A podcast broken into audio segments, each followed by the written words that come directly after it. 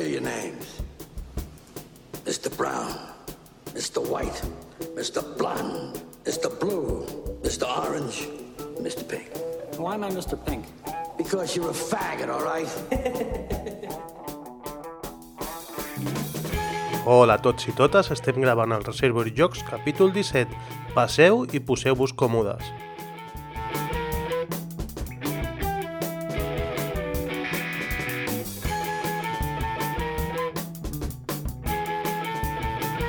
Acabem de tornar de Fabra i Coats, el recinte aquest eh, industrial que s'ha reconvertit en una fàbrica de creació i d'idees eh, al recinte de Sant Andreu, Comtal, allà a Barcelona, a l'altra punta de la línia vermella de metro. I bé, ja estem a casa, estem editant eh, perquè hem gravat eh, dintre del Festival d'Au la conferència inaugural eh, que es duia a terme amb, amb un ponent molt interessant, el, el Tom Bernek, un dels responsables i fundadors del, del premi, del prestigiós Premi Internacional eh, dels Jocs de Taula, l'Espiel des Llares, i, i també estava previst que vingués el, el Benjamin Tauber, el fill del Klaus Tauber, el, el creador de Los Colonos de Catan, però com, com bé escoltareu a l'Oriol Comas dir, eh, una grip l'ha deixat eh, fora de la convocatòria i, i bé, només tenim el, el Tom Bernek, que ha vingut amb la seva dona, una parella maquíssima,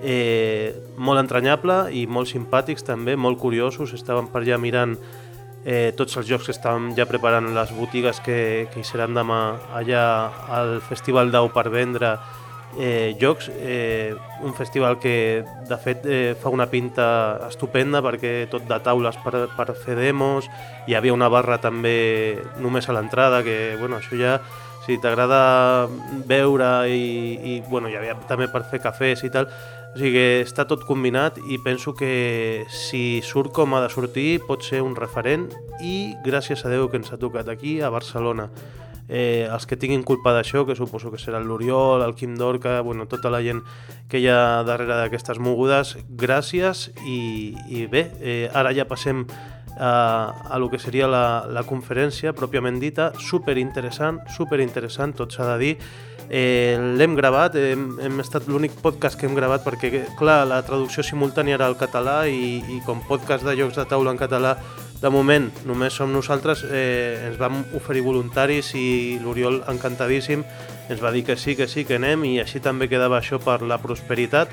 I perquè ho escolti tothom, que de fet, per exemple, pel Twitter ja hi ha gent que ha demanat que com no han pogut assistir, que, que fan per escoltar-ho, la Niquita, per exemple, de la fitxa roja, doncs aquí teniu, eh, intento fer-ho el més ràpid possible, aquest número especial d'aquesta conferència inaugural de DAU i també volem gravar el que es farà demà que és una xerrada, un, col·loqui també superinteressant entre dos, eh, dos eh, bloggers, eh, l'Iñaki de, de l'Institut de, de l'Institut d'Estudios Solarísticos, ja conegut també per tots nosaltres, que també ha fet una pregunta molt interessant al final d'aquesta conferència del Tom Bernek, ja escoltareu, i també vindrà el Lluís, el Black Meeple, del blog de Black Meeple, que és eh, el cunyat de, de l'il·lustrador que ha fet el nou logo de, del Reservoir Jocs, aquest de l'orella i el Meeple eh, que entra cap a dins, eh, el Bernat Montés. Eh, bueno, agraeixo també el logo al Bernat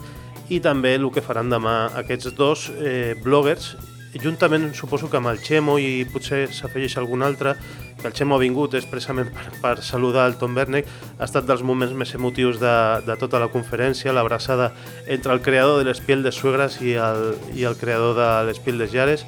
Eh, tothom reia i era, bueno, era un moment especial. Eh, no us faig més spoiler i, i, re, i també gravarem lo de demà la taula rodona d'autors eh, moderada pel Marc Figueres, un amic que ja ha participat dues vegades en, en el nostre podcast i segurament serà superinteressant amb la participació d'un fotimer d'autors.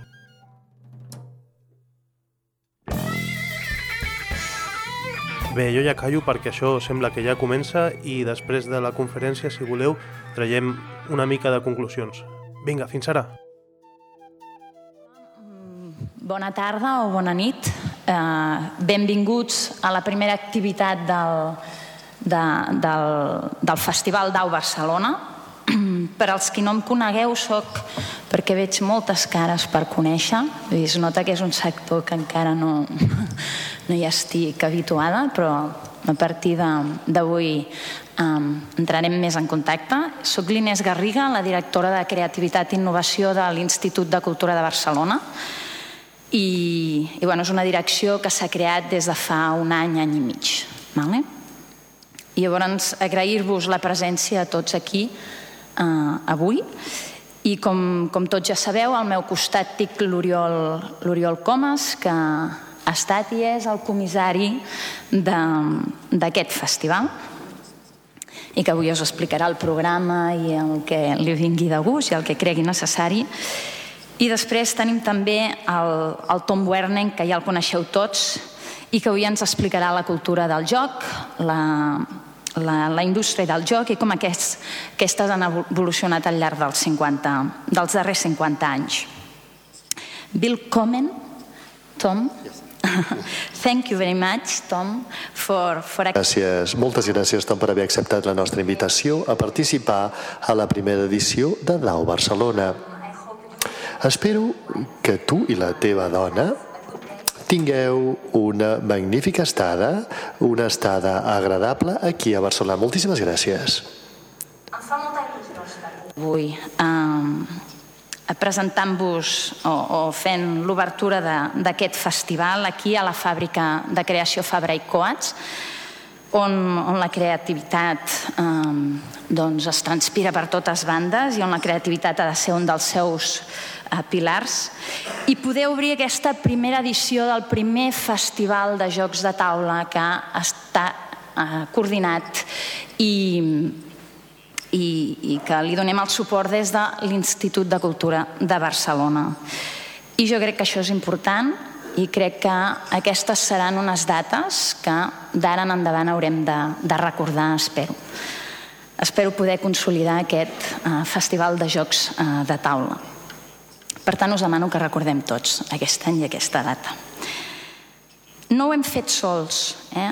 Uh, si estem aquí, òbviament, és perquè hi ha moltíssima gent, autors, creatius, editors, indústria vària, jugadors, aficionats, que porteu molts anys reclamant aquest espai eh, a la ciutat dels jocs de taula i que des de Cultura se us valori i que us acompanyi i que se us faciliti un marc de treball per poder eh, tirar endavant els vostres projectes i els vostres reptes. I amb Dau Barcelona, des de l'Ajuntament de Barcelona, el que pretenem és contribuir i posar el nostre granet de sorra a enfortir i valorar el vostre sector i que sigui una eina, la del festival, la primera, perquè en poden aparèixer moltes, espero, que ens permeti generar noves oportunitats en molts àmbits. De jocs de taula, el perquè de la seva importància, el seu valor, perquè aquest sector forma part de la cultura, segurament en saben molt més els dos amics que tinc aquí sentats al meu costat i també molts de vosaltres. Però permeteu-me afegir-hi una coseta. I a més em va molt bé perquè com a coordinadora d'aquesta direcció de creativitat i innovació, la veritat és que el joc de taula i aquest festival eh, em, van, em van molt bé per enfortir els conceptes de creativitat i innovació per dos motius. Perquè, per una banda, els jocs de taula propicien i, i generen i fan que la creativitat i la imaginació s'exerciti. I per una altra banda, amb, jugant amb els jocs de taula, eh, jo crec que la cultura de la innovació, els valors de la cultura d'innovació es transpiren i, i estan a l'ordre del dia perquè necessitem trobar estratègies, trobar solucions als problemes que se'ns plantegen, co-crear espais a l'hora de jugar, crear atmosferes, etc etc. El joc permet experimentar, crear i innovar en un espai on el, on el risc que corres és relatiu. Per tant, és un espai perfecte per desenvolupar-hi i treballar la creativitat i la innovació. I no haver apostat per un festival d'aquestes característiques penso que haguera estat un greu error. Per tant, doncs som-hi. Vull dir que des de la Direcció de Creativitat i Innovació i des de l'Institut de Cultura uh, recolzem uh, aquesta iniciativa i, i esperem que, que evolucioni. Aquest espai que estem creant és vostre i m'agradaria que l'aprofiteu i que l'aprofitem i que expliquem al món sencer que Barcelona estima els jocs de taula i que, a més a més, els aprofita per fer d'aquesta ciutat una ciutat més creativa i més innovadora encara. I, I ja abans de passar la paraula a aquests dos monstres als jocs de taula, convidar-vos a venir al llarg d'aquest cap de setmana, a venir a jugar, jo ho faré, vull dir, l'Oriol Comas m'ha dit que em passaré, no? que la meva feina aquests dos dies serà jugar i provar tots els jocs, i així ho faré. No, no, sí, sí, demà estaré aquí puntual i convideu doncs, els vostres amics, a les vostres famílies a venir-hi perquè és important, si volem consolidar aquest festival i, i que puguem eh, generar noves eines i nous recursos per recolzar-vos, necessitem que aquesta primera edició doncs, eh, tingui el seu èxit. I aprofito per donar les gràcies a tothom que ha fet possible aquest festival, no només a l'equip de producció, sinó a la indústria, a les xarxes socials, a les associacions d'autors, eh, bueno, a tothom que, que, que l'Oriol Comas ha sigut capaç d'implicar. I permeteu-me eh, destacar en especial el Joaquim Dorca, ho sento, toca, perquè ha estat un dels culpables que eh, avui en dia estiguem, estiguem aquí, perquè no ha parat de donar-nos llargues converses sobre la importància dels jocs de taula i fins que no ho ha aconseguit no ha parat. I com ell sempre em diu, i jo també li retorno, continuarem fent coses. I ja per acabar, jo també em faig meva aquella frase de jugueu cada dia una mica i afegeixo i les noies també. No? Dono la paraula, Oriol. Va.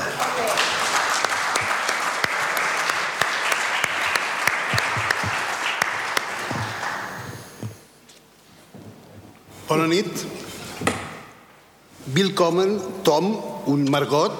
Good, Tom i Margot, i moltes gràcies per haver vingut aquí en aquest primer festival dels Jocs de Barcelona. Amb alemany, dificilíssim. Qui heu vingut a parlar, heu vingut a sentir és, és en, en Tom Werneck, aquest home, que ara us el presentaré una mica, però deixeu-me que abans faci una brevíssima història dels Jocs de Taula. Els jocs de taula, els d'ara mateix, comencen fa exactament 4.600 anys. Dic que ho sabem perquè el 1926 un senyor que hauria de ser important, Sir Leonard Woolley, un arqueòleg, va trobar eh, a l'antiga ciutat d'Ur, al sud de l'actual Iraq, a la tomba d'un emperador, un eh, joc riquíssim de nacre i lapislàtzuli. Si el voleu veure està al British, no està, no està a Iraq i aquest joc que s'ha anomenat el joc reial dur és el joc més antic. És un joc complicat com els d'ara, d'aus tetaèdrics, dos circuits que van un contra l'altre, etc. Bé, aquest és el joc, la nostra història comença, comença aquí. Comença quan la humanitat comença a escriure. Mm, per tant, alguna relació té una, una cosa amb l'altra. Segur que hi ha una relació. I no sabem de quan són els Jocs de Mancala. Els Jocs de Mancala, el Joc de les Llavors, que ja coneixeu, el Joc Nacional d'Àfrica, no en sabem més, però segur que tenen molts més anys. Després va venir un joc com el Go, fa uns 3.000 anys, els escacs, només 1.000 anys, el parxís, potser cap a 400, l'oca, potser uns 300, però com que he dit que aniria molt ràpid, ja em planto el 1837 el 1837, un senyor francès, el seu nom ara és igual, patenta un mètode per imprimir, la cromolitografia. Des de llavors, els jocs són ja com són ara. Abans no, la, els jocs de cartes d'abans, els jocs de cartes que aprofito per dir que van entrar a Europa des d'Orient, que és d'on ens venen tants jocs, els jocs de cartes van entrar a Europa pel port de Barcelona, cap a 1360. És una de les coses que aquesta ciutat hauríem d'explicar de, més. Doncs bé, el 1837 és quan els jocs es poden fer en sèrie, fer en color. Els jocs de cartes d'abans s'il·luminaven a mà. Fins llavors, per fer un joc es necessitaven uns artesans. Mm, era un procés molt, molt complicat. I qui segur que també feia falta, llavors, quan el joc reial dur, quan el go, quan els escacs i ara, són autors de jocs. Autors de jocs, moltes vegades que fan una feina que passa desapercebuda, però que són la gent que fan que sense ells potser no estaríem aquí, no, no podríem jugar. Hi ha una data que després el Tom potser ens explicarà més. El 1988 hi ha el famós manifest dels posavasos. Uns autors de joc, a Alemanya, a la fila de Nuremberg, es conjuren i ho firmen amb un posavasos, que el conservem com el grial, i diuen que mai més donaran un joc amb una editorial si el seu nom no figura a la coberta del joc. Des de llavors els jocs tenen, els autors de jocs tenen la seva importància. I és pels autors de jocs que fem Dau Festival. És, per ells, Dau Festival és una festa de la creativitat. Amb els autors hi ha una altra gent important, també important des de la cromolitografia de 1837, els editors. Sense els editors, els jocs que aquests creadors inventen no, no, no els tindríem, no ens arribarien. I, sobretot, hi ha una encara hi ha, diguem, un tercer agent important, vosaltres. Si no jugueu, si no juguem, ni autors ni editors tenen, tenen cap sentit. I doncs, per què, per què jugueu? Per, per què juguem? Moltes vegades hem sentit dir que jugar és una cosa de nens. És veritat aquesta idea, que encara tenim moltes vegades arrelada, ens ve de Rousseau, té 250 anys i l'hauríem d'anar a reconèixer una mica, però és veritat que encara és una mica la que hi ha. I també és veritat que motius per jugar n'hi ha uns quants. Fa mandra, venim de treballar i no ens posarem ara a pensar, eh, a mi no m'agrada competir, llegir regles, ui quin rotllo... Doncs bé, jo crec que tots aquests tots aquests motius per no jugar eh, podem fer un pack i posar-los en, un, en un sol motiu ens n'hem oblidat. Quan érem nens jugàvem, vam anar creixent i ens van venir moltes més coses a fer i ens n'hem oblidat. Per tant, eh, quan una cosa te n'oblides però saps que és bona, potser el que has de fer és, és reprendre-la. Perquè per jugar dona, ens dona algunes coses importants, doncs sí, en jugar hi ha repte intel·lectual per descomptat, però hi ha imaginació, hi ha diversió, hi ha relació social, hi ha la possibilitat de fer coses sense que aquestes coses suposin cap problema. Sabeu l'acudit que moltes facultats d'economia diuen que l'única diferència entre el monopoli i l'economia real és que el monopoli els diners són de mentida. No és perquè sí, això. Bé, estàvem a aquesta brevíssima història dels jocs. Passem ràpid pel, pel segle XX. Al segle XX, si ho mirem des dels jocs, han passat dues coses importants.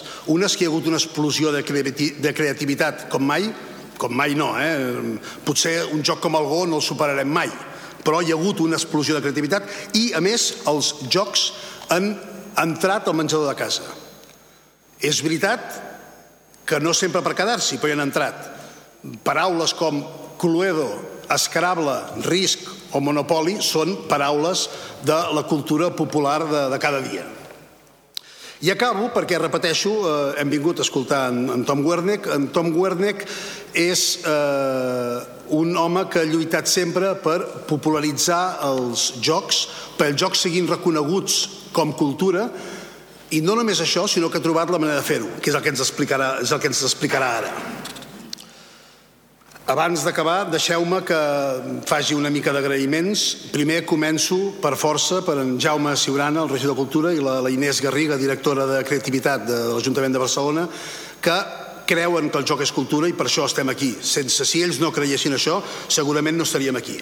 Sense autors i sense editors, no estaríem aquí. No vindríem aquí a jugar com que n'hi ha molts, hem fet, eh, jo crec que una tasca llarga perquè tothom que volgués estigués, estigués a Dau Barcelona, no els puc dir tots, deixeu-me que doni, doni les gràcies a dues persones, a un ja li han donat, jo també ho faig, en Joaquim Dorca, i l'altre és en Pere Pau Llistosella.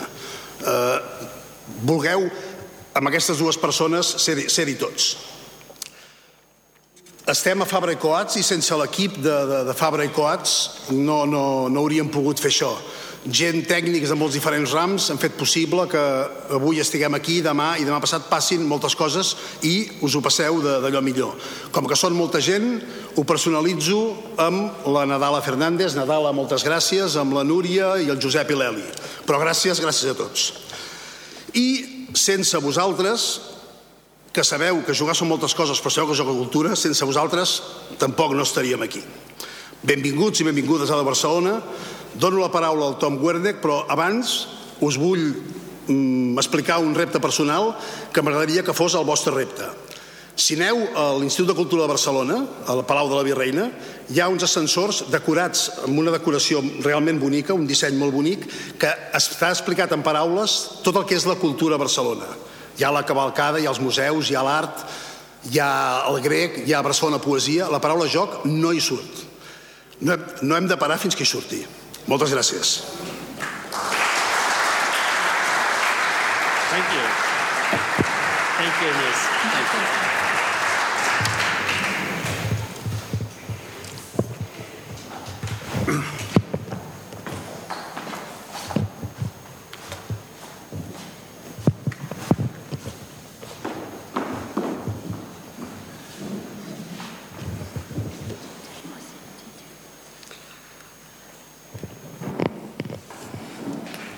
Good evening, ladies and gentlemen. Bona tarda a tothom. Moltíssimes gràcies per aquestes paraules de benvinguda, Inés i Oriol. Abans de començar la meva intervenció, vull demanar disculpes. Perquè si ho hagués sabut millor, hagués introduït una nova línia al títol.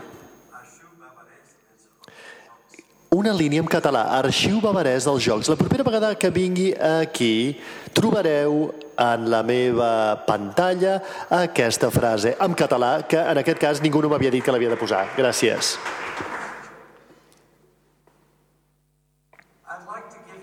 Jo voldria donar-vos algunes idees sobre l'impacte de la Premi Spiel des Jahres en el desenvolupament dels jocs de taula, del mercat de jocs de taula a Alemanya. Hi ha moltes preguntes, qüestions i concepcions errònies sobre el premi Spiel de Jahres, que literalment es tradueix com a joc de l'any.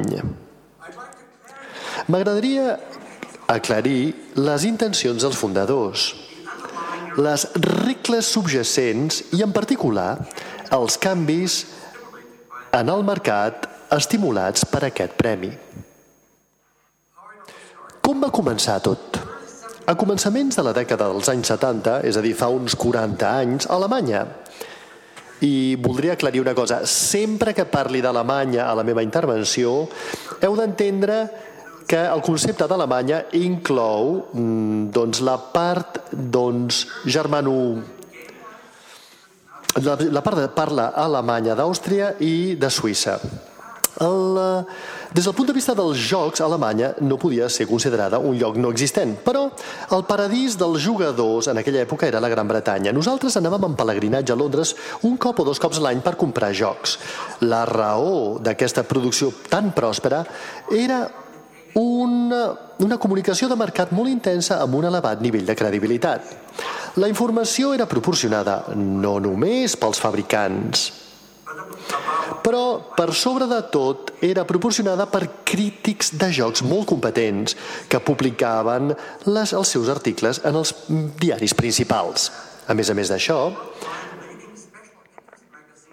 la revista d'interessos especials més important del món, titulada Jocs i Puzzles, va, era publicada a Londres.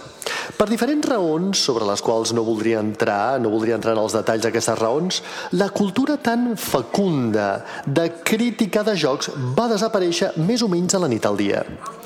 La revista Games and Puzzles van, va fer fallida i la major part dels diaris varen senzillament descartar les seves columnes dedicades als jocs. Poc de temps després, els jocs a la Gran Bretanya van perdre originalitat i la qualitat que revela el concepte més bàsic de l'empresa en el sistema capitalista. És a dir, que a menys que un mercat sigui en pes i dirigit pels competidors o d'altres influències, un fabricant intenta assolir la producció màxima amb doncs, la, minor, la menor despesa. Atès que la competència no era forta i els crítics més càustics ja no tenien una plataforma que els publiqués, el món de la dels jocs de taula de família tradicionals es varen reduir a una selecció molt limitada a un nivell bastant pobre. En aquella època, a Alemanya, hi havia en total menys d'una dotzena de crítics de jocs. D'una banda, ens va saber molt de greu el declivi a la Gran Bretanya. D'altra banda, però, vàrem analitzar la situació una situació que ens va ensenyar que la qualitat i la varietat estan directa i inseparablement vinculades a una cultura activa de la crítica dels jocs i com a conseqüència vàrem establir una xarxa per atreure els editors i els periodistes en el món dels jocs. Una, algunes de les persones aquí presents segurament recordaran una reunió anual titulada Journalist and Fred, doncs durant la Fira de la Joguina de Nuremberg, on es feien contactes o s'intensificaven contactes ja existents. L'esdeveniment va esdevenir cada vegada més gran, d'any rere any, perquè el nombre de periodistes que parlaven de jocs de taula en els diaris, en els diaris, en, els, en les publicacions periòdiques, a la televisió, etc., havia crescut significativament. La nit abans de la inauguració de la Fira de la Joguina de Nuremberg l'any 1978, Jürgen Herz, un dels meus col·legues, va tenir la idea d'establir un premi anual. Aquest premi havia de ser molt obert pel que fa a les seves credencials i les seves afirmacions. Per tant, tal i com indica el seu títol, ell va suggerir Spiel de Jares, el joc de l'any, en combinació amb l'afegit Premi de la Crítica. Les paraules joc de l'any havien de deixar molt clar que el donar un premi a un joc no significa necessàriament que sigui el millor joc. L'única afirmació és que és un joc específic que mereix una atenció especial. L'afirmació addicional, és a dir, premi de la crítica, havia d'indicar que no hi ha una avaluació objectiva implicada. Al contrari, el premi es basa en l'opinió individual i en el judici personal dels crítics dels jocs. I això es deu a que els jocs no poden ser sotmesos a prova. Pots sotmetre a prova un rentavaixelles o un ordinador personal pots sentir una preferència per Beethoven o Mozart perquè personalment t'agrada més un compositor que l'altre. Però no té cap mena de sentit doncs, classificar a Beethoven amb 7 punts i a Mozart amb 4 punts.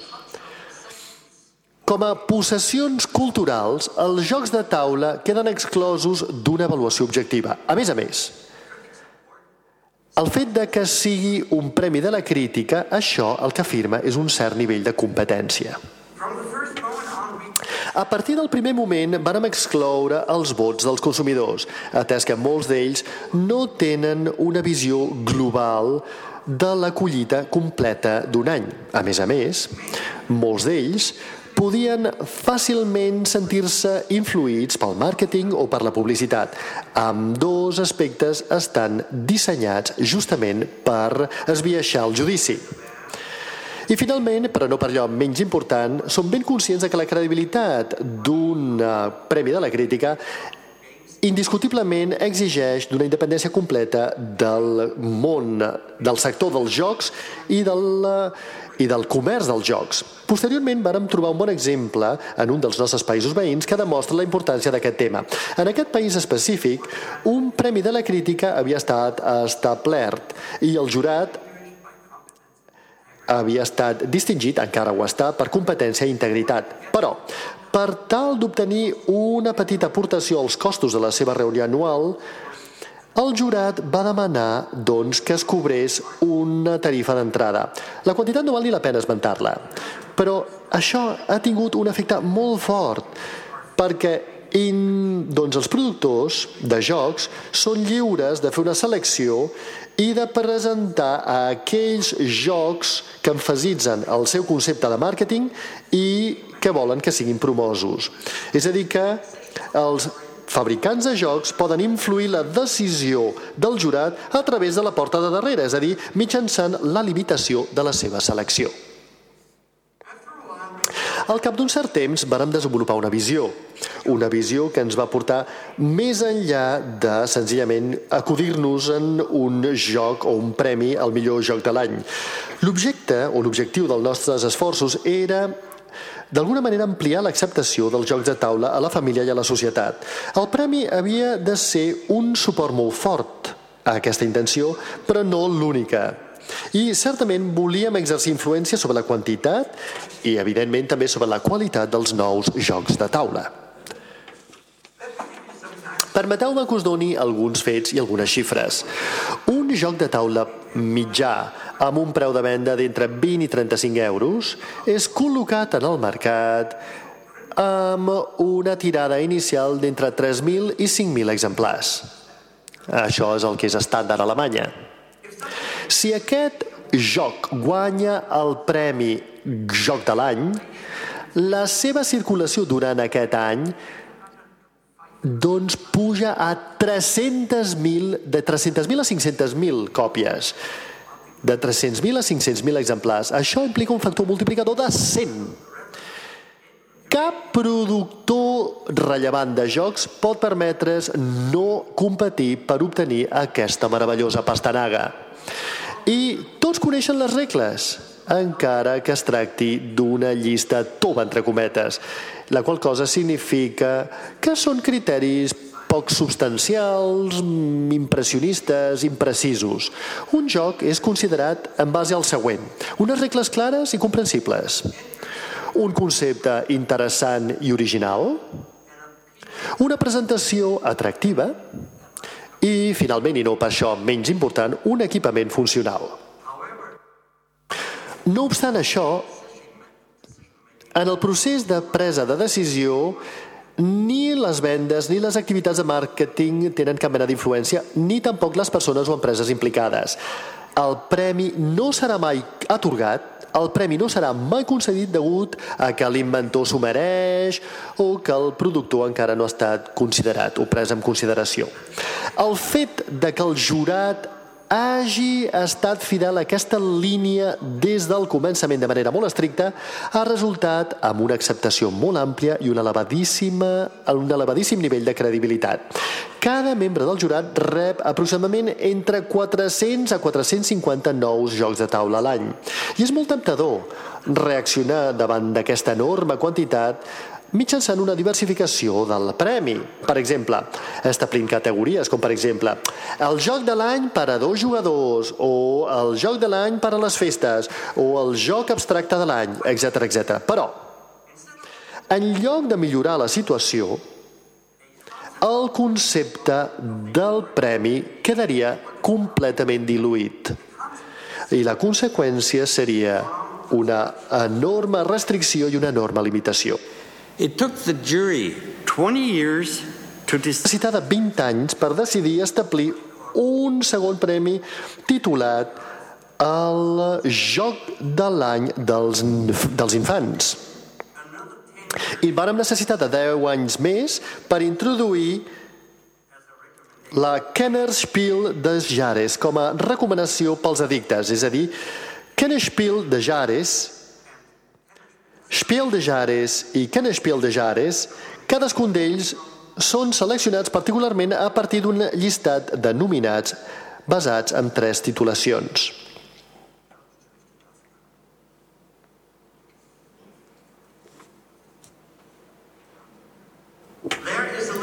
Hi ha un llistat de 5 a 10 jocs recomanats pels primers dos premis i alguns títols per Kennerspiel, és a dir, pel joc de l'any pels addictes, constituint un total de 25 a 30 com a màxim. Això suma a menys del 10% dels jocs totals. L'èxit comercial que resulta dels tres premis ha forçat els productors de jocs a invertir en qualitat. Perquè si no ho fan, els jocs acabaran entre el 90% que queda descartat. Tan senzill com això. Una institució com el Joc de l'Any interfereix amb l'actitud estàndard d'una una inversió mínima per a una producció màxima. Des del punt de vista dels diners, el nivell de producció no pot ser pujat perquè el pressupost dels consumidors i les seves expectatives defineixen uns quants límits. És a dir, que el preu d'un joc no pot arribar a més de 35 euros. Per tant, els productors han de desenvolupar la seva creativitat per tal de combinar una inversió un nivell d'inversió molt elevat amb uns resultats empresarials que siguin factibles. De manera que els productors de jocs són empesos cap endavant per, pel premi, com una pastanaga. I, doncs, com si es tractés de la pastanaga i del cop, de la pastanaga i del bastó, sota la forma d'un joc competitiu o un concurs competitiu creatiu i innovador. I es beneficien d'aquest desenvolupament els consumidors. No només els consumidors poden eh, triar de tota una varietat de jocs interessants incomparable amb la resta del món. Només us donaré una xifra. El mercat de jocs de taula i de trencaclosques a Alemanya representa més de 400 milions d'euros de facturació l'any. El consumidor també rep molts molts, molts, moltes coses afegides que actualment doncs, eh, actuen com a efecte corolari del joc de l'any. A veure, ara us explicaré el món dels jocs de taula a Alemanya. Tot va començar durant una vesprada en un restaurant bavarès de Múnich. Durant el procés de planificar el premi, jo vaig debatre amb el meu col·lega, el doctor Berwan Tolle, una cerimònia d'atorgament del premi amb el perfil més alt possible.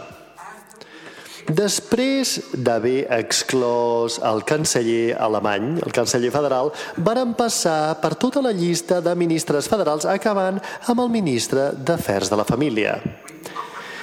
I li vàrem oferir que esdevingués patrona del premi i ella va acceptar sota la condició de que l'esdeveniment fos celebrat en la seva doncs, en, el, en la seva demarcació electoral que era la ciutat d'Essen. Any rere any el nombre de persones va créixer que romanien fidels després de l'esdeveniment per jugar jocs de taula. Finalment, vàrem trobar un gran emplaçament. L'editor en cap de Spielbox, la revista que és l'equivalent alemany de Games and Puzzles a la Gran Bretanya, va combinar el jugar a jocs amb una petita, doncs, fira aquesta activitat ha crescut i actualment la Internationale Spieletage Essen ha esdevingut la convenció de jocs més gran del món amb més de 150.000 visitors durant quatre dies. Després del despertar de la zona d'Essen, diferents esdeveniments locals van ser establerts, com per exemple a Viena, amb més de 70.000 visitants, i Múnich, amb més de 60.000 visitants. Jesús, el que hagi estornudat.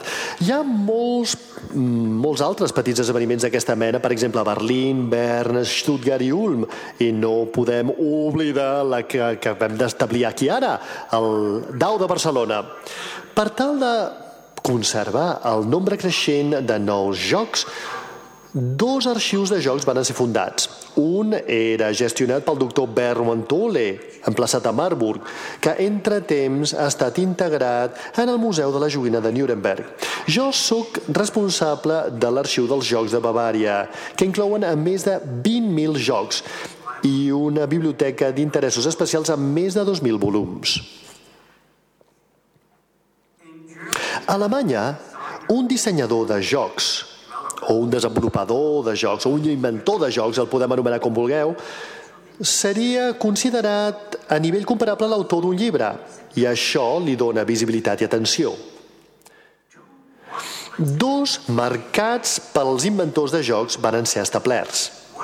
Un esdeveniment s'anomena Göttinger Autorentage, que tradicionalment se celebra el mes de juny, i l'altre s'anomena la Fira Internacional d'Inventors de Jocs, que se celebra a Múnich a finals de febrer o durant els primers dies de març. El proper esdeveniment se celebrarà d'aquí un parell de mesos, del 22 al 23 de febrer.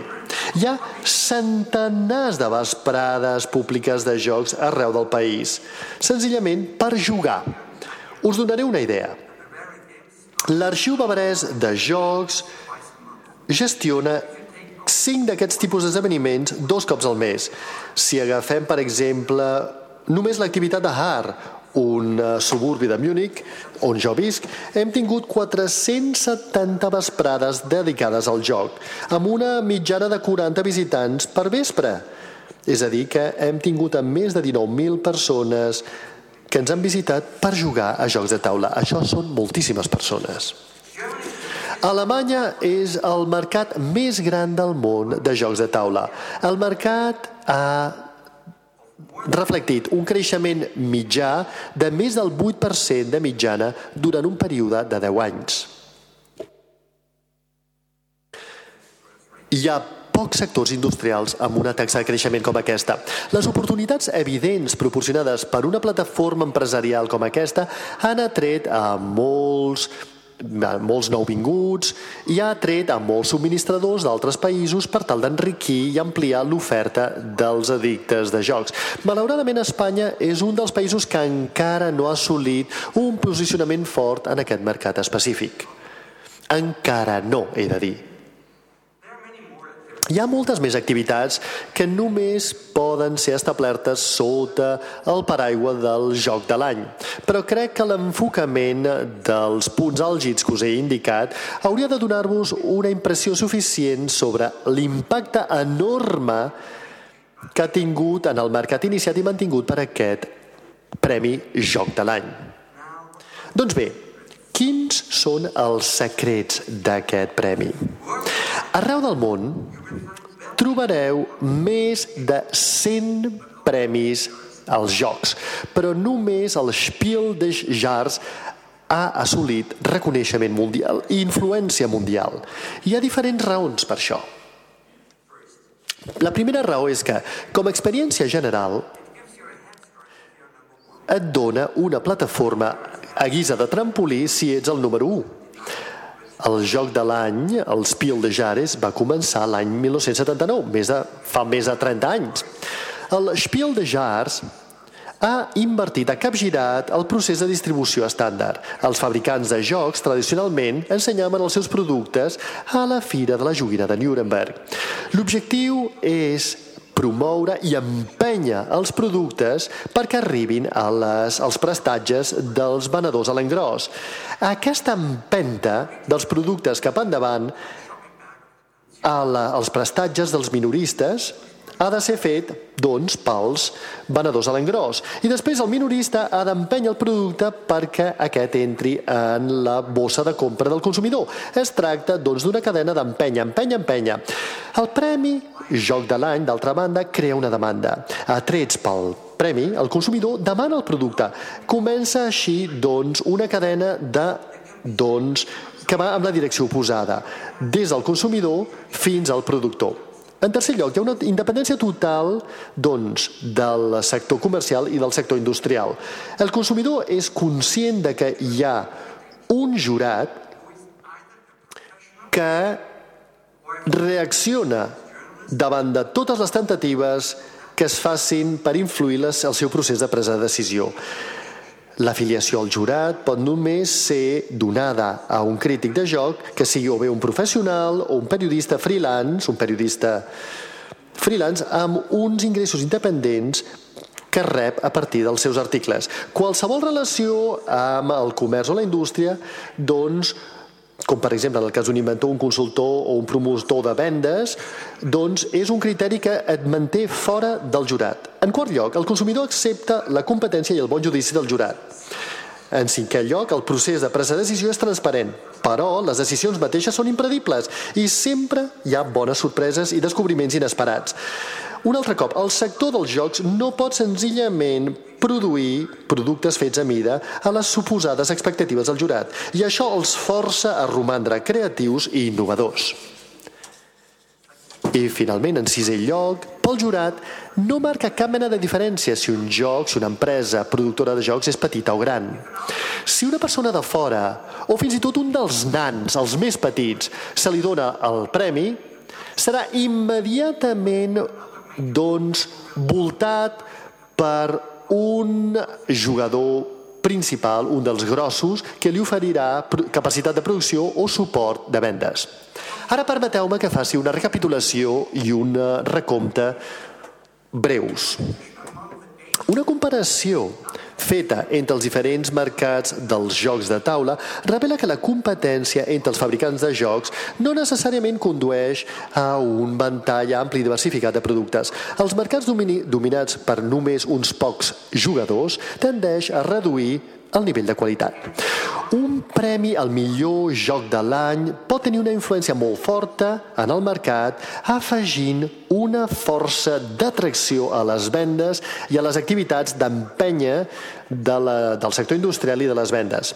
Tanmateix, un premi establert i dirigit, o fins i tot només una miqueta influït pel sector de les vendes o de la indústria, no té valor i no té impacte. I els consumidors no són tontos se n'adonen molt ràpidament de si la integritat, la independència, la dedicació subjauen un premi. A més a més, un premi amb poder i influència necessàriament ha de ser una espina dolorosa al peu del sector industrial i del sector comercial.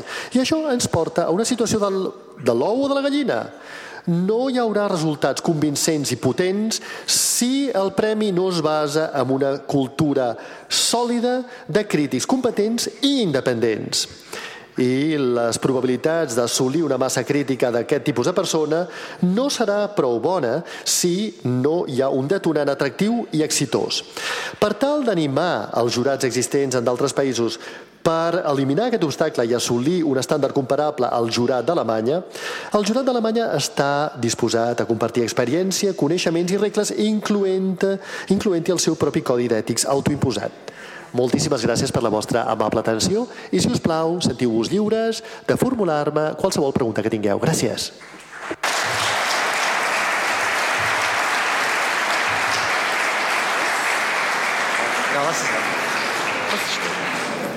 Gràcies, Tom. Tenim en Tom a la nostra disposició. És un luxe tenir aquest senyor aquí, per tant, pregunteu-li tot allò que volíeu saber, perquè avui és el moment.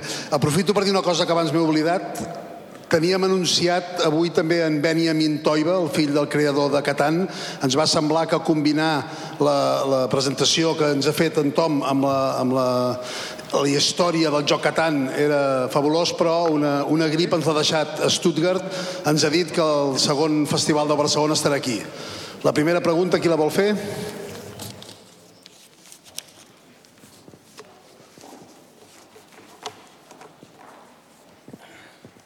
Hola, sóc Joan Bascunyana.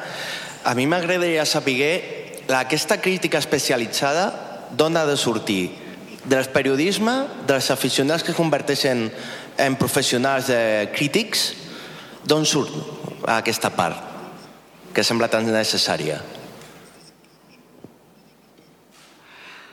There are two sources. Hi ha dues fonts de crítics. El primer són els periodistes professionals que treballen com a periodistes contractats per una emissora de ràdio, un diari, una, una, una emissora de televisió, etc. I ells, en les seves pròpies paraules, promous, poden promoure els jocs de taula. L'altra font, i jo soc un bon exemple d'això, l'altra font són persones que escriuen exclusivament sobre jocs de taula i res més, i tenen una professió que els dona els seus propis ingressos. És a dir, que ells no depenen dels diners que obtenen dels articles que escriuen. I això és molt important. Que escolteu, si hi hagués cap mena de dependència, d'alguna manera estarien forçats a obrir la mà sota la taula en algun moment donat perquè no podrien guanyar-se la vida. De manera que és condició absolutament necessària que tinguin uns ingressos que siguin totalment independents dels diners que obtenen per part dels fabricants. Es tracta de periodistes freelance i especialistes que publiquen únicament sobre els jocs amb els quals juguen. Gràcies. Hola, moltes gràcies. Jo volia preguntar si el, el jurat eh, de l'Espiel de Harris és públic. Se sap quines són aquests crítics? Yes. You... Sí. Saps exactament qui són els membres del jurat. Els membres del jurat són anunciats si es produeix un canvi. Es tracta d'informació amb una nota de premsa hi ha també una web del jurat. I pots veure a cada membre del jurat. Això sempre ha estat publicat des del bon començament. Saps exactament qui és cada membre del jurat, què fa, a què es dedica i saps quin és el seu nivell de competència. I respost? Molt bé.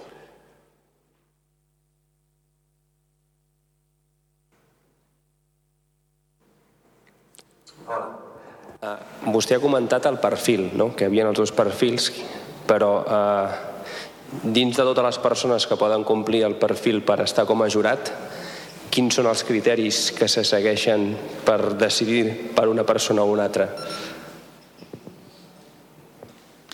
It's very simple. Senzill.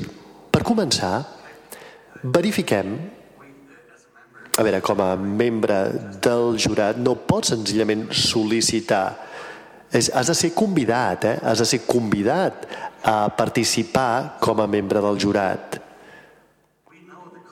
Nosaltres ens coneixem entre tots, coneixem els col·legues, tenim un servei que ens permet saber exactament el que es publica i llegim les publicacions o les llegim senzillament al diari o les mirem a la televisió, si treballem per a la televisió. Sabem el que estan fent i coneixem el seu nivell de competència i intentem conèixer-los personalment. De manera que trobem i sabem si aquesta persona és constructiva i si pot ser acceptada en un grup. Perquè fins i tot si és una persona competent o si es tracta d'una persona que sempre està discutint i no arriba mai a un acord, doncs això no encaixa amb la personalitat que has de tenir en un jurat però ha de ser una persona positiva, una persona sí. I nosaltres esperem de cada membre del jurat una opinió precisa, una opinió ben clara, de manera que analitzem profundament si una persona senzillament copia les notes de premsa del fabricant, perquè això diria que no hi ha opinió individual sobre el joc, sinó que senzillament es tracta d'un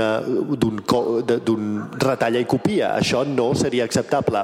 Un altre factor important és tenir una columna regular.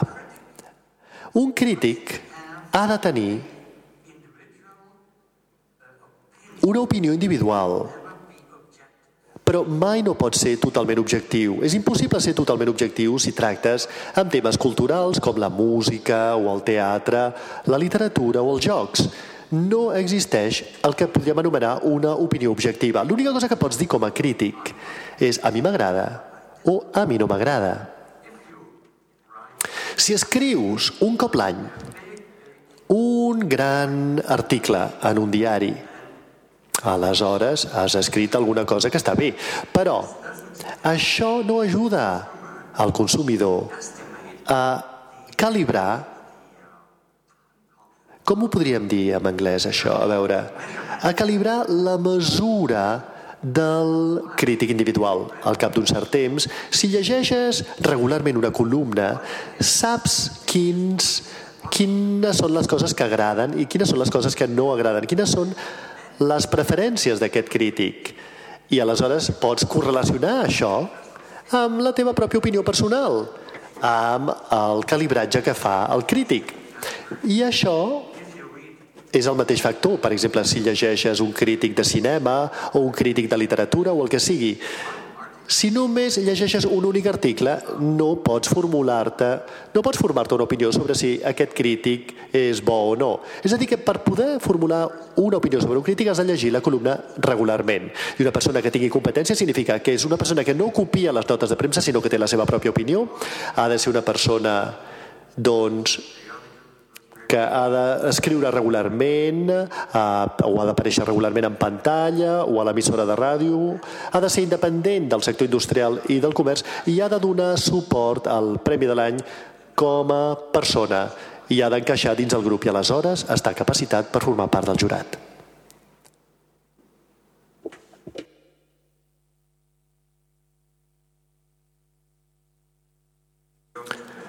Eh, yo quería asistir un poco quería insistir un poco en, la, en, en, lo que estamos hablando de quién elige el premio del año, pero quería verlo un poco desde España.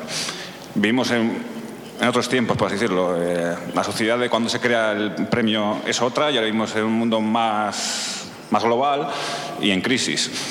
Eh, yo creo que en España hoy por hoy no es, no es posible una prensa especializada. Eh, los grandes medios de comunicación tradicionales como televisión y prensa pues estamos viendo cómo se cierran y dudo mucho que el mundo de los juegos de mesa entre y entre de manera independiente. Yo me pregunto si el aficionado puede sustituirlo, sin ser un profesional del, mundo del juego de mesa. Si puede recurrir a la red, a los blogs, a las páginas web, como alternativa a esa opinión especializada. Y si eso es posible y si va a tener garantía de independencia y de criterio. Solo esa pregunta.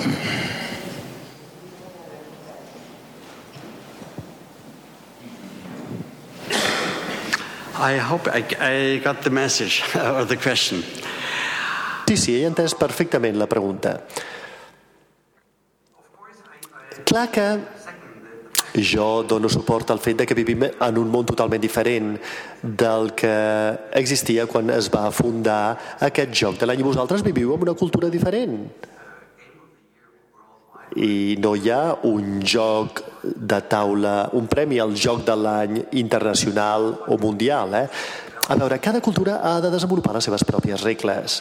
No hi hauria manera, no hi hauria cap manera de crear un jurat alemany que estigués format per aficionats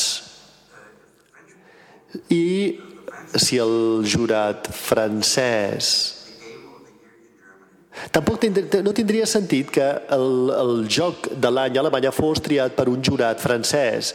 Cada cultura té les seves pròpies característiques i les seves pròpies preferències. En èpoques de recessió, amb taxes d'atur molt elevades, què poden fer les persones? Alguns seuen tot el dia i no fan res, i almenys poden omplir el seu temps jugant la qual cosa és clarament la millor manera de reaccionar davant d'una situació angoixosa. I els jocs encara no són cars. La gent sempre es queixa del preu elevat d'un joc de taula, 20, 30, 35 euros, per exemple. Imagineu-vos que has de pagar per anar al cinema. Dues persones van a veure una pel·lícula, 20 euros. Si aparques el cotxe, 10 euros més. Si vas a sopar i menges una hamburguesa i algunes patates fregides, 20 euros més. Dues persones. Imagina't ara un joc, un joc que pot ser comprat per 30 euros, sis persones poden jugar i pots jugar-lo 10 vegades. Calcula el que això implica per una persona. Els jocs no són gens cars. Molt bé. Aquí la qüestió principal és que les diferències culturals, les diferències entre cultures, i evidentment sé, sóc perfectament conscient de que la situació és dificilíssima, però tanmateix hi ha un sector industrial, d'una banda, que omple una o satisfà una demanda d'altra banda. És a dir, que fins i tot en temps dificilíssims, com els que s'estan vivint actualment a Catalunya i a Espanya, fins i tot en temps tan difícils com els actuals, els jocs són valuosíssims. He respost a la teva pregunta? No he respost. Ai, sisplau, doncs, pues, escolta'm, va, va, per què no em fas una versió més precisa amb d'altres paraules de la teva mateixa pregunta? A ver, a ver si lo consigo formular mejor. Es cómo consigue, eh, por así decirlo, eh, establecerse un jurado desde un lugar donde no hay profesionalidad. Si el aficionado puede ocupar el lugar del profesional. Digamos que en España no existe prensa especializada y el juego de mesa no tiene lugar en la prensa. Y por motivos de crisis yo pienso que más difícil todavía. Puede eh, puede establecerse una alternativa desde el aficionado, por ejemplo, en la red, sin, sin ocupar, sin ocupar los, los, medios tradicionales, como la televisión y la prensa, si la red puede ser esa alternativa a lo que no está ocurriendo, que es aparecer en los medios. Hoy por hoy la columna en un diario, eh, los minutos en la televisión, es algo impensable y me parece a mí que irreal pensar que vaya a pasar de aquí a, a cinco años. Pero, pero en cambio, en la, en la red, con, con medios ínfimos, sí se puede dar presencia al juego de mesa. Por eso digo yo que si un aficionado, sin ser un profesional, puede ocupar ese lugar a la hora de evaluar un juego de mesa. No sé si ahora me he entendido.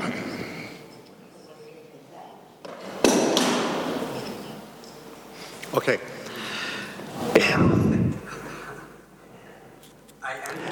Uh, acabé mi intervención con la situación del huevo y de la gallina. ¿Qué refleja justamente este tema? Mira, nosotros nos encontramos hace ya 40 años a un mundo totalmente distinto. El hecho de que no teníamos casi ninguna posibilidad de publicar sobre los juegos, que es la situación que, a la que os enfrentáis en España en estos momentos. En el entretiempo el mundo ha cambiado. Y no se trata de copiar un sistema que tuvo éxito hace 40 años. A ver, yo solamente he intentado indicar cómo la cosa ha funcionado en Alemania, pero la situación actualmente es distinta y yo entiendo la dificultad. Es sumamente difícil convencer a los medios de comunicación de publicar nada sobre los juegos. Sin embargo, sin embargo, repito, existen hechos, hechos que son muy interesantes. Y si presentas hechos concretos, quizás puedas convencer a los medios. Permíteme que comparta contigo algunas cifras para reflejar la situación alemana. Alemania tiene 81 millones de habitantes, incluyendo a la gente mayor y a los bebés. ¿eh? La facturación de los juegos actualmente es de 400 millones de euros. 400 millones de euros. Con un precio promedio de por juego de unos 20 euros, ¿eh? de promedio. Hay algunos juegos que puedes comprar por 6, 8 o 10 euros y otros cuestan 35 euros. Pues bien, el precio promedio es de 20 euros. Si divides 400 millones por el precio promedio de 20 euros, acabas con 20 millones de cajas. 20 millones de cajas de juegos. Esto significa que uno de cada cuatro habitantes en Alemania compra un juego al año. Pues bien, si analizas el sector de, los, de, las editoriales o los DVDs u otros productos culturales que son publicados en los periódicos, cada semana hay críticas de literatura, a veces encuentras listas enteras de cuál es el libro que más vende. Y eso lo comparas con la cantidad de juegos vendidos, en comparación a la cantidad de libros vendidos, encontrarás que los juegos son muy importantes. Y el siguiente paso sería, ¿por qué los medios de comunicación publican la lista de libros más vendidos o la lista de libros más exitosos en las librerías y las películas y los DVDs? Bueno, porque se trata de una recomendación y de un servicio para el lector o para el radio escucha o para quien sea. Se trata de un servicio. De manera que a los medios se les tiene que convencer de que se trata de un servicio el que proporcionarían si presentan también a los juegos. Ya sé que es una tarea dificilísima. Nosotros ya pasamos por eso también, ¿eh? no es nada fácil. Y además, existen nuevas posibilidades con los nuevos medios. en la época en que nosotros empezamos, yo era propietario de una fax. Una, un fax, una máquina de fax costaba 12.500 marcos alemanes de la época y era un fax que tenías que comprar de una empresa electrónica. Actualmente, un periódico ya en aquella época un periódico todavía no tenía un fax. O sea que los tiempos han cambiado mucho. Los nuevos medios hay que utilizarlos. ¿He respondido mejor ahora o no? Vale.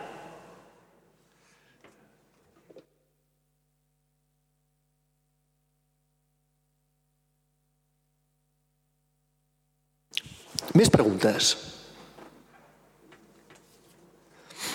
Bueno, yo, um, al hilo de lo que estaba comentando Iñaki, eh, soy un bloguero, um, hago un blog uh -huh. en España que se llama um, Gaming with My Suegra, jugando con mi suegra, y un poco hemos cogido el, el guante de dentro del blog. Eh, llevo tres años ya haciendo el espiel de suegras, entonces no quería dejar pasar este momento de saludar a uno de los creadores del espiel de Yares con el creador del, del espiel de suegras y regalarte una chapa del blog.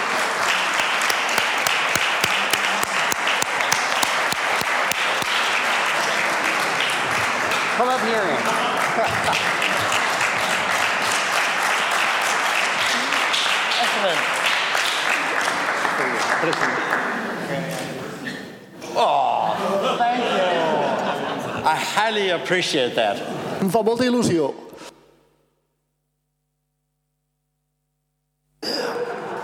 El espil de las suegras.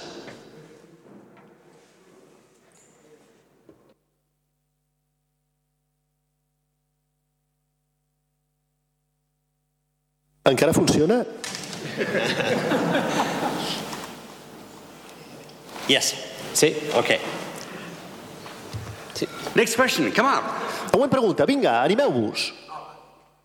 Soc Maria, eh, soc dissenyador de jocs. Primer volia donar les gràcies per aquesta conferència que ha sigut molt, molt interessant i, i que dona una perspectiva que és a on volem arribar tots nosaltres.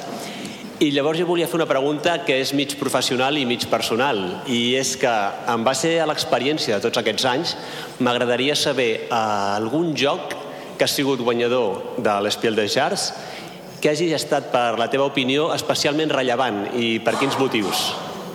Si és un, un, si són dos, dos, algun que a tu t'hagi agradat especialment o que hagis trobat que va marcar un punt d'inflexió dintre de la història de l'Espiel dels Jars o del mercat de, alemany de jocs.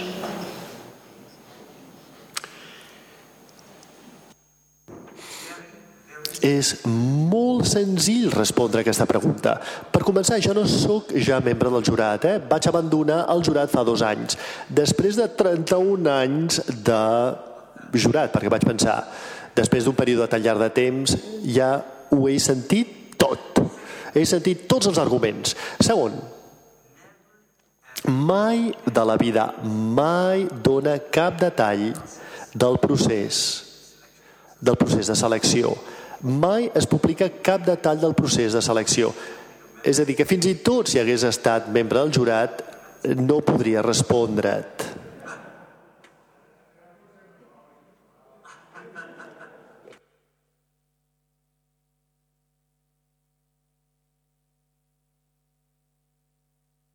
Vinga, més preguntes, va, animeu-vos. Em dic Josep Manel. Eh, porto un temps intentant dissenyar algun joc i estic analitzant la possibilitat de passar a plataformes avui en dia electròniques, sigui mòbils o tablets. Ho veieu com una possibilitat o una amenaça? I esteu pensant en un espel de jar electrònic?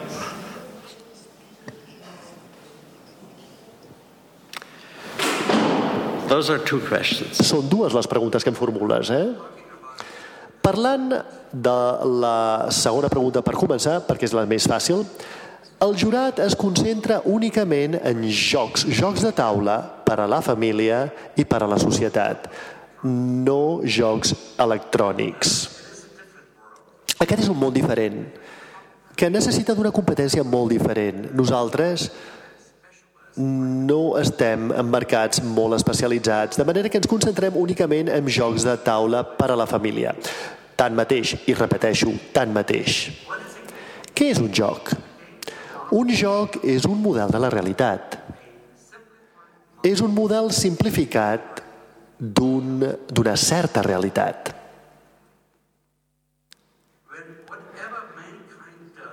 Faci el que faci la humanitat, això sempre queda reflectit en un joc. És impossible donar el nom de qualsevol cosa, de qualsevol tema, que no tingui un joc en el meu arxiu. És a dir, sigui el que sigui que m'esmentis, sigui el que sigui, música, programació, ordinadors, ciència, recursos humans, sigui el que sigui el tema, hi ha un joc que s'ha inventat al respecte, o diferents jocs que s'han inventat al respecte. De manera que tot el que fa la humanitat queda reflectit en jocs, i atès que actualment vivim en un món que està molt dirigit per l'electrònica, no és sorprenent que l'electrònica doncs s'integri en el món dels jocs. Ara bé, hi ha diferents enfocaments o abordatges per això. Evidentment, pots jugar amb un ordinador o amb una videoconsola, però t'enfrontes únicament a una pantalla. Això és un desenvolupament molt fort. No obstant això, cada vegada més les activitats dels inventors i dissenyadors de jocs estan integrant l'aspecte del mitjà electrònic amb els jocs de taula estàndard. I la raó és molt senzilla. Al cap d'un cert temps la gent es farta, es cansa de veure únicament una pantalla quadrada. El parlar amb algú, el parlar amb un avatar, amb una persona que mai no han vist en la seva vida i que mai no veuran en la seva vida i que viu a, la, a les antípodes del món i, i els anomenen amics, no són amics. Són senzillament més o menys col·legues de joc invisibles. Atès que les persones a llarg termini són animals socials, volen tenir un col·lega, un col·lega de carn i ossos per mirar els ulls, per parlar, cara a cara. I és per això que jo penso que cada vegada més esdevé important que els mitjans electrònics que ens envolten a tot arreu, que estan a l'abast de tot arreu i que vivim amb ells i juguem amb ells, quedin integrats en els jocs de taula. Si això ho fa o a través d'un telèfon mòbil o d'un o si està imprès en un joc de taula o el que sigui, m'és igual. A llarg termini es produirà una integració en els jocs de taula estàndards que donaran la possibilitat de jugar amb un ésser humà, de carn i ossos al davant, o que podrà beneficiar-se dels avantatges dels jocs electrònics. I respost?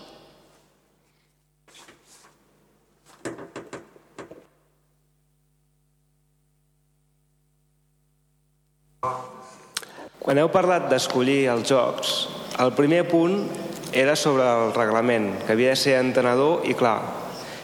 Quina importància té aquest punt?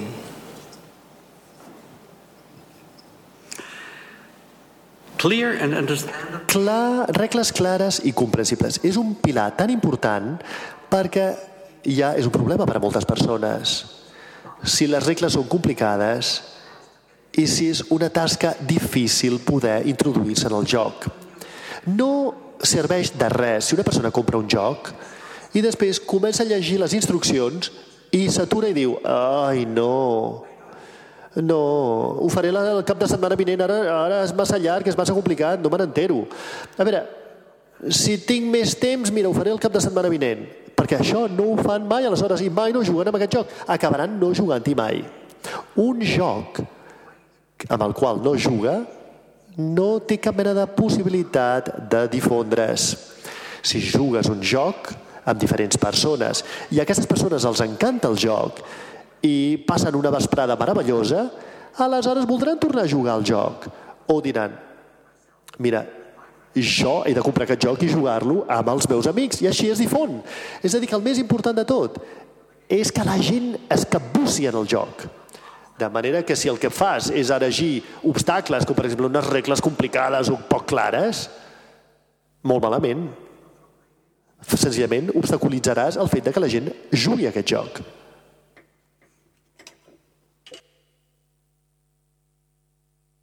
Bueno, veient que vostè és una de les persones que té més experiència que hi ha aquí, vull dir per edat és la forma fina de dir que té més edat que la resta, no, no, mal intent. No, com vull dir...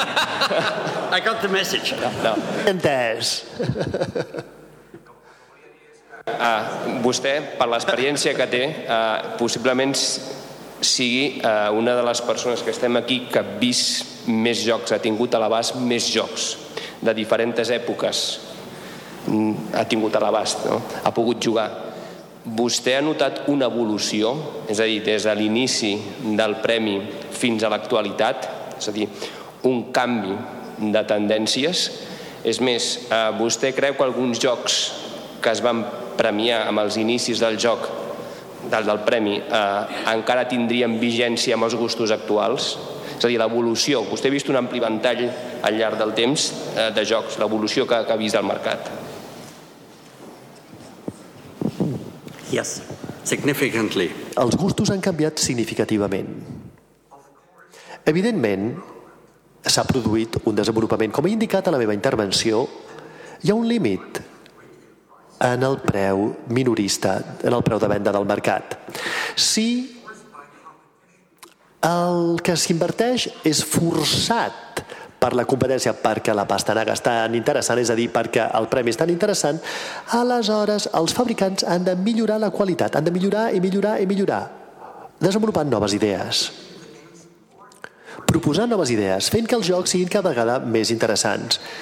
Per exemple, si comparem els jocs que obtenen el premi en comparació amb els que obtenien el premi fa 30 anys, són totalment diferents i estic convençut de que alguns dels premis que van ser guardonats al començament del premi mai no serien guardonats actualment. Però el món dels jocs ha millorat, ha millorat almenys a Alemanya, eh, perquè la competència és fortíssima.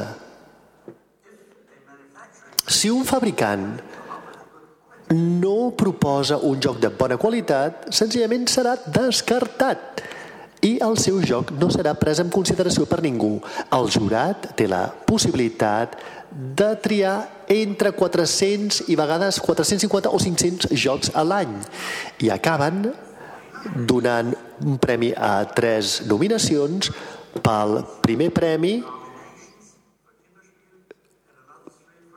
tres nominacions pel Premi dels Infants i tres pel Premi dels, de les persones addictes. I bueno, acabem amb nou nominacions. I potser hi ha 25 jocs que acaben ressaltant d'entre 500. És a dir, que els fabricants necessàriament han de millorar la qualitat. I això reflecteix no només la qualitat de les regles, i us puc ben, ben bé assegurar que pensen profundament en la qualitat de les regles, sinó també amb els inputs. Els jocs són molt més interessants actualment del que ho eren fa 30 anys. Però no hi ha una tendència, i això és un tema importantíssim a debatre. Un jurat que guardonés jocs predibles atrauria el fet que els fabricants entressin en una mena de tub o de túnel. A veure, m'explico. Simplificaré tot el tema amb un exemple. Atès el fet que hi ha un joc estratègic que s'explica amb la zona de Roma, per exemple. I l'any següent, per alguna raó, un joc d'estratègia també similar que també es juga en el món de l'antiga Roma. I aleshores, home, al final els fabricants dirien caram, només volen jocs d'estratègia en el món de l'antiga Roma. Doncs bé, això limitaria la tria del jurat. Acabarien donant aquest premi. Donar retroalimentació als fabricants està bé. Varen fer els, els, els, els fabricants acabarien concloent ho hem fet el correcte, mira, li han, tornat, li han tornat a donar un premi a un joc d'estratègia de l'antiga Roma. És a dir que han de tenir dos jocs, els dos dels quals han de ser mereixedors d'aquest guardó. I els dos han d'estar... A veure, el segon ha d'estar molt a prop dels... Si un dels dos està molt a prop dels jocs guardonats en, any, en anys anteriors, el jurat tria el que és diferent, de manera que el missatge que es transmeti és que hi ha un ampli ventall de jocs disponibles. Això fa que el jurat sigui molt impredible. El procés és molt clar, però la decisió sempre és impredible. Ha quedat clar? Més preguntes, va. No voleu preguntar-li res més al Tom? Moltes gràcies i benvinguts i benvingudes a Dau Barcelona. Demà de 10 a 8 estarem tot el dia jugant i diumenge també. Gràcies, Tom.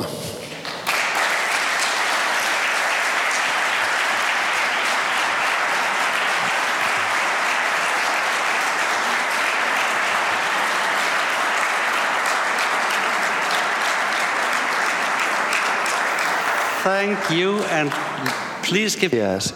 I si us plau, unes darreres paraules. Aquesta és la primera vegada que celebreu un esdeveniment com aquest a Barcelona. Espero, espero de tot cor que jo podré venir més sovint a aquesta ciutat per veure un esdeveniment d'aquesta mena que creixerà molt ràpidament. I gràcies a tots i totes per la vostra atenció. Gràcies.